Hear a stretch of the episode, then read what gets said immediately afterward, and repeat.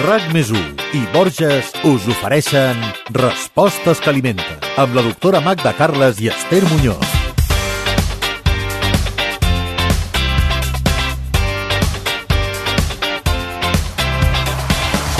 El pernil dolç és un aliment de tota la vida. Té un gust suau i agrada a gairebé tothom. A més, té fama de ser saludable i lleuger. Ara bé, és realment així? És millor o pitjor que el pernil salat o la carn de porc fresca? És recomanable consumir-lo? En aquest podcast, el número 71 de Respostes que alimenten, trobareu tota la informació d'un ingredient que de ben segur teniu a la nevera.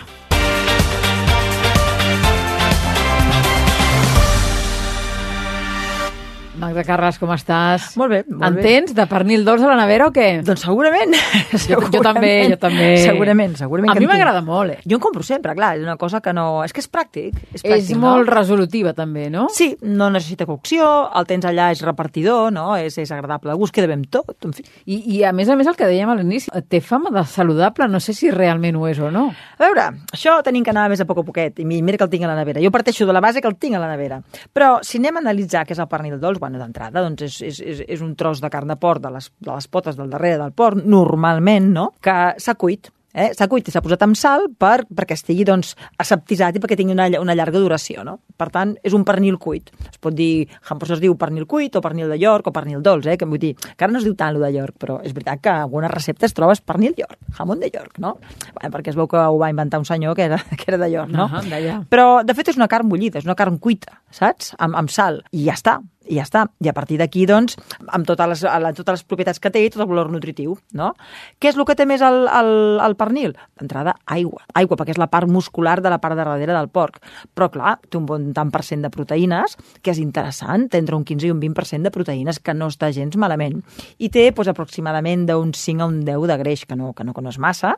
I, clar, sí que és veritat que és un, que és un, és, és un aliment que és lleuger, perquè pot anar de les 100 calories a les 150. Per tant, aquests són els motius pels quals Clar. té aquesta etiqueta Clar, de saludable. Per tant, fixa que dèiem, és pràctic, és, eh, és, és, és, bo, és suau de gust, agrada als nens. Uh, és veritat que, si vas a mirar, doncs té, té, poca, té poques calories i té poc greix. Ara bé, ara bé, uh, tot el pernil dolç és igual?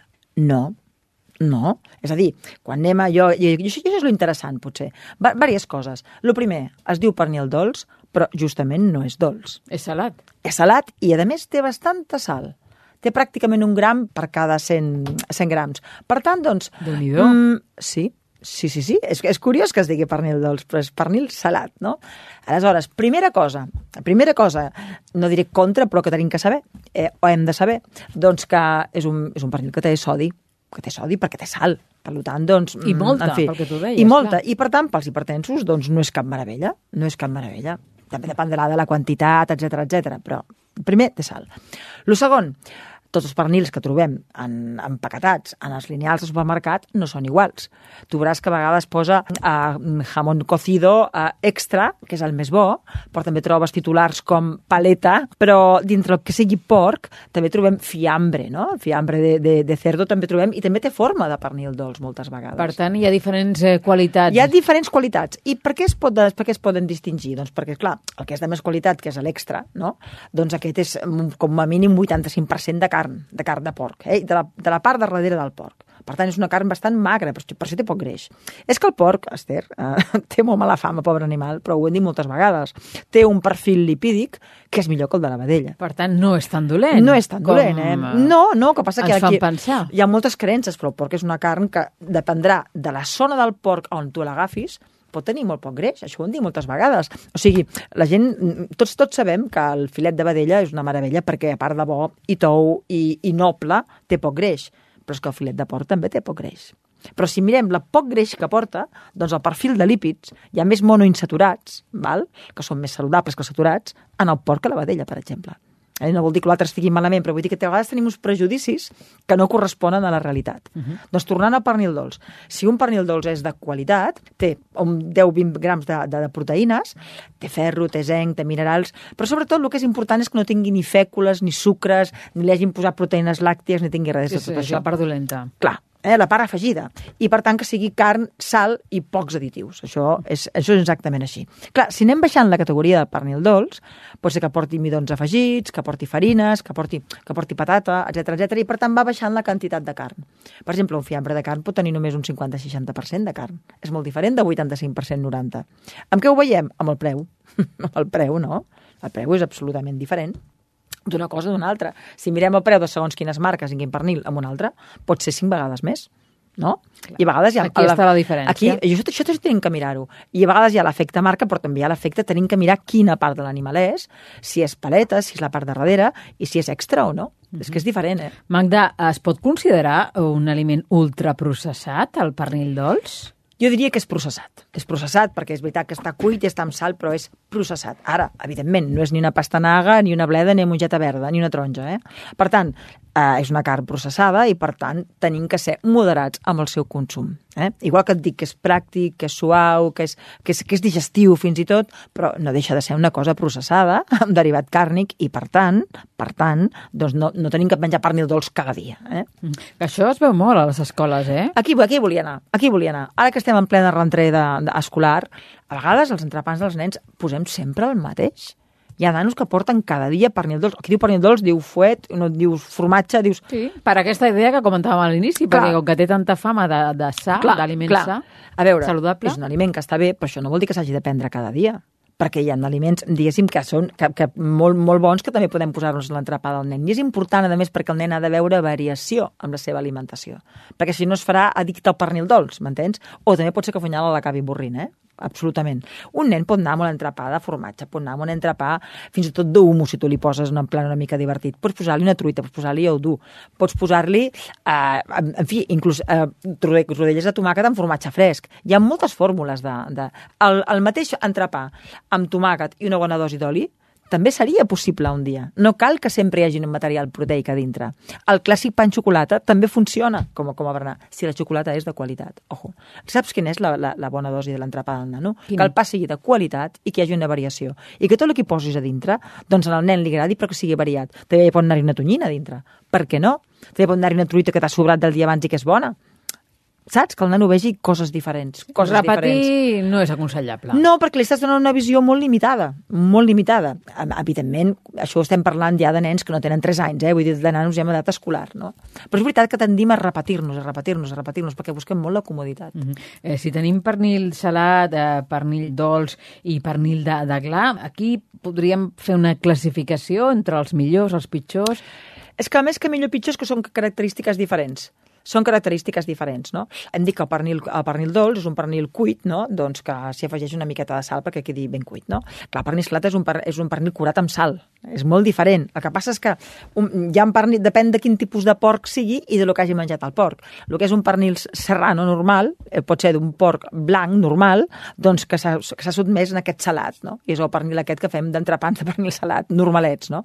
Quan parlem de pernil de gla i eh, ibèric de gla, vol dir que és un porc de raça ibèrica, però és que a més a més ha tingut una alimentació a base de glans, que és el, on ho distingirem perquè és el més car que hi ha, no? Eh, No només és un porc de raça ibèrica, que, sinó que a més a més, doncs, ha menjat només a glans. Per tant, clar, això influeix amb el gust, amb la textura, però també amb, la, amb el valor nutritiu, perquè si ha menjat només a glans, doncs té, té un, uh, un tant per cent d'àcid oleic molt elevat. Ojo, això no vol dir que el pernil de gla, com molta gent es pensa, sigui un aliment light o se'n pugui prendre tot el que tu vulguis, perquè no diferència entre el pernil eh, dolç i el pernil salat, i per això es diu dolç, potser, és que el salat, per més de gla que sigui, porta molta més sal. El doble de sal. Eh? Ojo, i també porta més greix. Per tant, energèticament és tres vegades el pernil dolç, eh, el pernil salat, però, com sempre, una, una cosa eh, energètica no vol dir que sigui dolenta, al contrari, però és que hi ha coses energètiques que són molt interessants des del punt de vista de la salut, però que ho tinguem en compte, que no perquè sigui pernil de gla, perquè hi ha gent que diu jo em menjo un plat de pernil de gla perquè com que és bo, bueno, sí, és bo, escolti, però té la seva sal, té el seu greix i té la seva energia. Entens? És molt diferent un pernil dolç que un pernil salat. Són dos aliments completament diferents, encara que la matèria prima sigui quasi la mateixa. Mm -hmm. Magda, eh, alguna bateria de preguntes que, que tinc per tu, dubtes. Quina energia ens aporta el pernil dolç? Doncs pot anar des de les 100 calories als 100 grams fins als 150, saps? Després dependrà també de la quantitat que tu posis a cada entrepà o cada vegada que en menges. Jo el que sí aconsello és aquest tipus d'aliments, com és el pernil, totes les carns processades, s'han de fer servir com un ingredient, no com un, com, no com un ingredient base. Val, o sigui, com un plat principal, no? No, o sigui, el que no podem fer és un plat de pernils, per més bo que sigui. Uh, jo crec que això han de ser coses, de, han de ser complements, ha de ser ingredients, ha de formar part d'un plat. Però com que són aliments processats, no, no, no té que ser un monotema de pernil, saps? Això, això jo crec que és important de saber. Uh -huh. Estaria recomanat eh, per algú en concret? Sí, per molta gent. Mira, pernil dolç perquè va bé, a part dels nens, perquè té aquest gust neutre que combina bé amb tot i que, saps, és com suau per la gent que té problemes digestius, perquè justament com que té poc greix, doncs és molt digestiu. Per la gent que fa dietes d'aprimament, òbviament, perquè ja hem vist que dintre tot és, és un aliment que és suau. A veure, per les persones que tenen problemes de masticació, perquè és una cosa que és com molt fàcil de menjar, és molt repartidor, no? Jo, jo penso que per la gent que, més, que, que, que té que fer, per exemple, uh, uh, dosis extres de proteïnes. Tu poses unes tiretes a una verdura o una mànida de pernil dolç, doncs estàs posant una, unes dosis de proteïnes extres en aquell, en aquell menjar, no? Imaginem-nos gent, per exemple, que és molt esportista, imaginem-nos, no? Però que, que, en fi, que gasta més proteïnes de les que mengen habitualment. Doncs és un complement que estaria bé, és un complement que estaria bé, no? I té contraindicacions? Uh, si és una persona sana, no a no ser que facis un excés de dosis, no? Però contraindicacions, en principi, en principi no. En principi no. Mm-hmm. La dosi saludable, mm, t'atreviries a, a dir a veure, és? més de 30 grams, no més de 30 grams. Bueno, no, a veure, dependrà de com siguis tu, la teva alçada, el teu pes, com sempre, però una dosi saludable són 30 grams. Jo el que vull dir és que eh, tenim que tenir sempre en compte, quan parlem d'aliments saludables o no, eh, com sóc jo, quin pes tinc jo, quina salut tinc jo i quina dosi em correspon. No hi ha cap aliment, per pràctic i saludable que sigui, que ens puguem prendre amb dosis lliures. I aquí és on fallem moltes vegades, Esther, que quan veiem la cosa de saludable o el light, la dosi és carta lliure. I és una cosa que la sempre, fem moltíssim. Sempre, sempre. No, no, per més saludable que sigui, doncs tenim que tenir una, una quantitat... En doncs, la mesura. En la mesura. I tampoc té que ser un monotema a casa nostra, això té que ser, la variació de veritat que és important. Eh? Clar, és que a més a més l'avorriment e, és negatiu, no?, a nivell de salut també. Absolutament, perquè no hi ha cap aliment que sigui perfecte ni que ho tingui tot. Quan tu vas variant d'aliments, doncs tens més nutrients, tens, pots, pots aprofitar més les avantatges de cada un, sempre que estem parlant d'aliments de qualitat. El que no cal que estigui en el teu menú són aliments que no ens aporten res, però els aliments que són interessants sí que els podem anar variant. Eh? Eh, a l'hora d'anar a comprar d'anar al supermercat, de mirar aquesta etiqueta d'aquest producte, mm. del pernil dolç, ens hauríem de fixar en algun alguna cosa en concret, en algun detall concret? Sí, mira, que posi extra. Pernil dolç extra. A la composició, doncs que, a veure, hi hagi el, que, que mirem quin tant per cent de carn porta, no? Té que haver-hi més d'un 85% de carn. Si no és que estem menjant fècula, estem, que tampoc passaria res, eh? Però que no és carn, saps què vull dir? Que són, que són altres coses. I després que no tingui més sal del compte, tampoc, que no tingui més d'un gram, això també és important. I després, hi havia una cosa, un detall divertit, que és que saps aquests pernil dolç que ens tallen a la carnisseria, que ens el donen a granel? Sí, sí, sí. A veure, mm, lo normal, com que de fet es tracta de la part muscular de la cama, la part muscular de la cama, un bon pernil és fàcil que es trenqui saps? Perquè, com que són diferents vetes musculars, saps allò que fa com trossos? En canvi, els pernils que tenen més fècules i, més, i que han posat més coses, són com llisos i molt brillants. Queden com perfectes, lonxes perfectes Aquí que són és com veiem la irrompibles. No? És que sembla que siguin, no sé, plàstics, no? Aquí és molt probable que si anem als ingredients, que sempre és interessant mirar els ingredients, que hi hagi més coses, no? És normal que un pernil dolç té que tenir un color suau, no mai colors d'aquests refulgents, i és normal que es trenqui, que sigui fràgil. És una manera I visual no té que ser una cosa diferència. que surti molt de suc, eh? ha de ser més aviat, com que és carn, té que ser una cosa més aviat seca, no, no seca, a veure, entens, entenguem-se'n, no té que estar regalimant suc, eh? Doncs mira, aquests detalls són importants Jo que tenir-los sí. en compte quan Sí. anem a comprar i quan arribem a casa i traiem el producte, no? És millor el gall d'indi? Mm, Podríem dir que és millor el gall d'indi que el pernil dolç? No, és una, és una bona alternativa, és una bona alternativa per canviar una mica la carn, però tant per cent de proteïnes té bastant dels mateixos, de ferro també. Pues, per què no? Per què no? Variem. Però jo insisteixo, a part de la carn, hi ha altres aliments que poden ser molt, molt substanciosos per posar, ja que estem parlant de l'entrepà dels nens, no? Mm, Està bé com per variar, està molt bé com per variar, però repeteixo, no deixen de ser eh, derivats càrnics processats. Saps què vull dir? Pensem en, també, pensem en els ous, no? Uh, pensem en els vegetals, pensem en la tonyina, pensem en, en, en purés de llegums, anem variant, pensem en l'alvocat, no sé, crec que tenim que obrir una mica la, la mentalitat. El no? ventall, El no? ventall, Sí, sí, sí, sí, que a vegades estem molt limitats, no? No, no, no sortim del fuet i el pernil dolç, no? Mhm. Magda, eh, ara que parles del fuet, no? Eh, La diferència entre el pernil dolç i el fuet, per exemple? Aquí molta gent em matarà perquè dirà que aquesta que diu, no? Però és veritat que el, el fuet, la, la diferència que hi ha amb el pernil dolç, doncs és que són, és que s'hi afegeix grassa amb el, amb el fuet. Greix, no? Greix, exacte, greix. O sigui, la, la, el pernil dolç és la carn mm, cuita.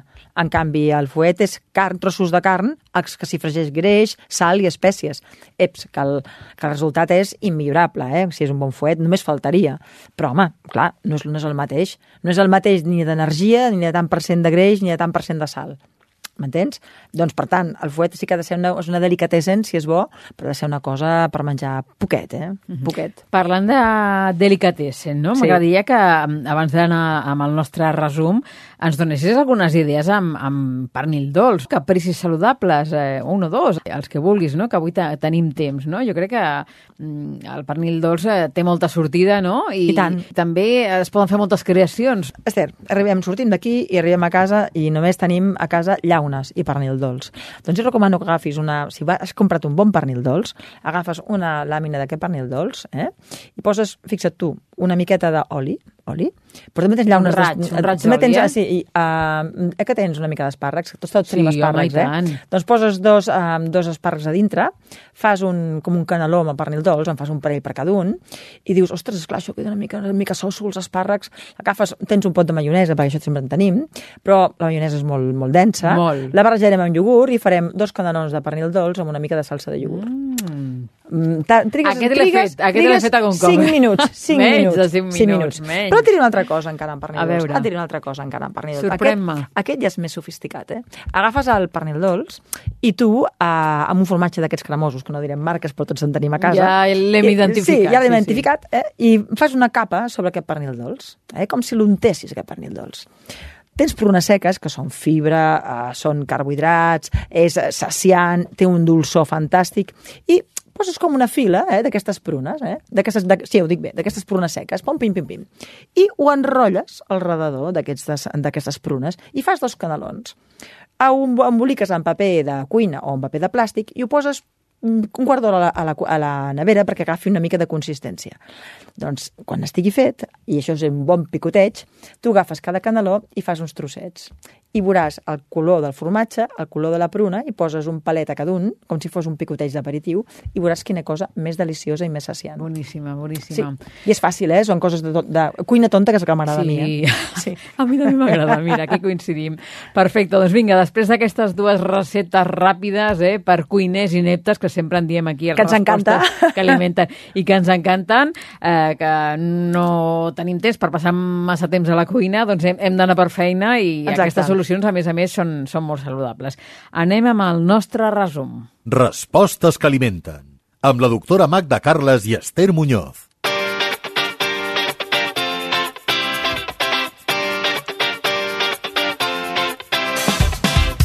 I avui la nostra pregunta de partida era si és saludable menjar pernil dolç. Ja ens deia la doctora Magda Carles que menjar-ne en excés, sobretot posar molts entrepans, ara que acaba de començar l'escola, eh, repetits de pernil dolç, no era convenient, no? Què ens expliques? Què, què, què ens dius? Què ens has de Què dir s'ha de saber del pernil dolç? Doncs que és, una, és, és, és un derivat carni processat del porc, és carn bullida, bullida amb sal, que té una bona quantitat de proteïnes, té quasi un 20% de proteïnes, que té ferro, que té zinc, que té molt poc greix, que té poca energia, és per tant un aliment doncs, digestiu, amb poca grassa, i és, és un aliment absolutament apte per una dieta equilibrada, però com tot a la dosi doncs, que, que pertoca. I per tant jo recomano que sigui un aliment que es faci servir com a ingredient però no com a ingredient base d'un plat. Eh? És, dir, és un ingredient, no que sigui la monotema pernil Un dolç. secundari, Però vaja. ni, ni el pernil dolç ni de cap derivat càrnic. No, No, és un principal. Exacte. Que el podem tenir perquè és resolutiu, és fàcil, el podem fer de, amb molt, diguéssim, de moltes maneres. Ah, i una cosa que no hem dit. És, un bon pernil dolç dura poc. Per tant, jo us aconsello que si n'heu comprat massa, que el congeleu perquè de veritat de seguida, de seguida perd la Es fa qualitat. malbé de Es fa seguida. malbé de seguida, es fa malbé de seguida. I recordeu que un bon pernil dolç no té que ser ni molt sucós ni té que tenir colors estranys. Mhm. Fantàstic, doncs eh, hem pres molt bona nota en aquest eh, Respostes que alimenta número 71, ara ja camí del 72, anem pensant temes. Recordeu que també ens podeu fer les vostres propostes, ens Exacte. envieu un correu electrònic a respostes arroba i podrem tenir en compte també l'opinió dels oients i Exacte, les ens peticions. encantarà, ens encantarà saber què penseu o si teniu algun tema que, que, us, que, que us interessaria, no? Sempre ens interessa saber què, què pensen, no? Exacte, ens veiem en uns dies. Vinga, adéu-siau. Adéu. Adéu. RAC més 1 i Borges us han ofert Respostes que alimenten amb la doctora Magda Carles i Esther Muñoz.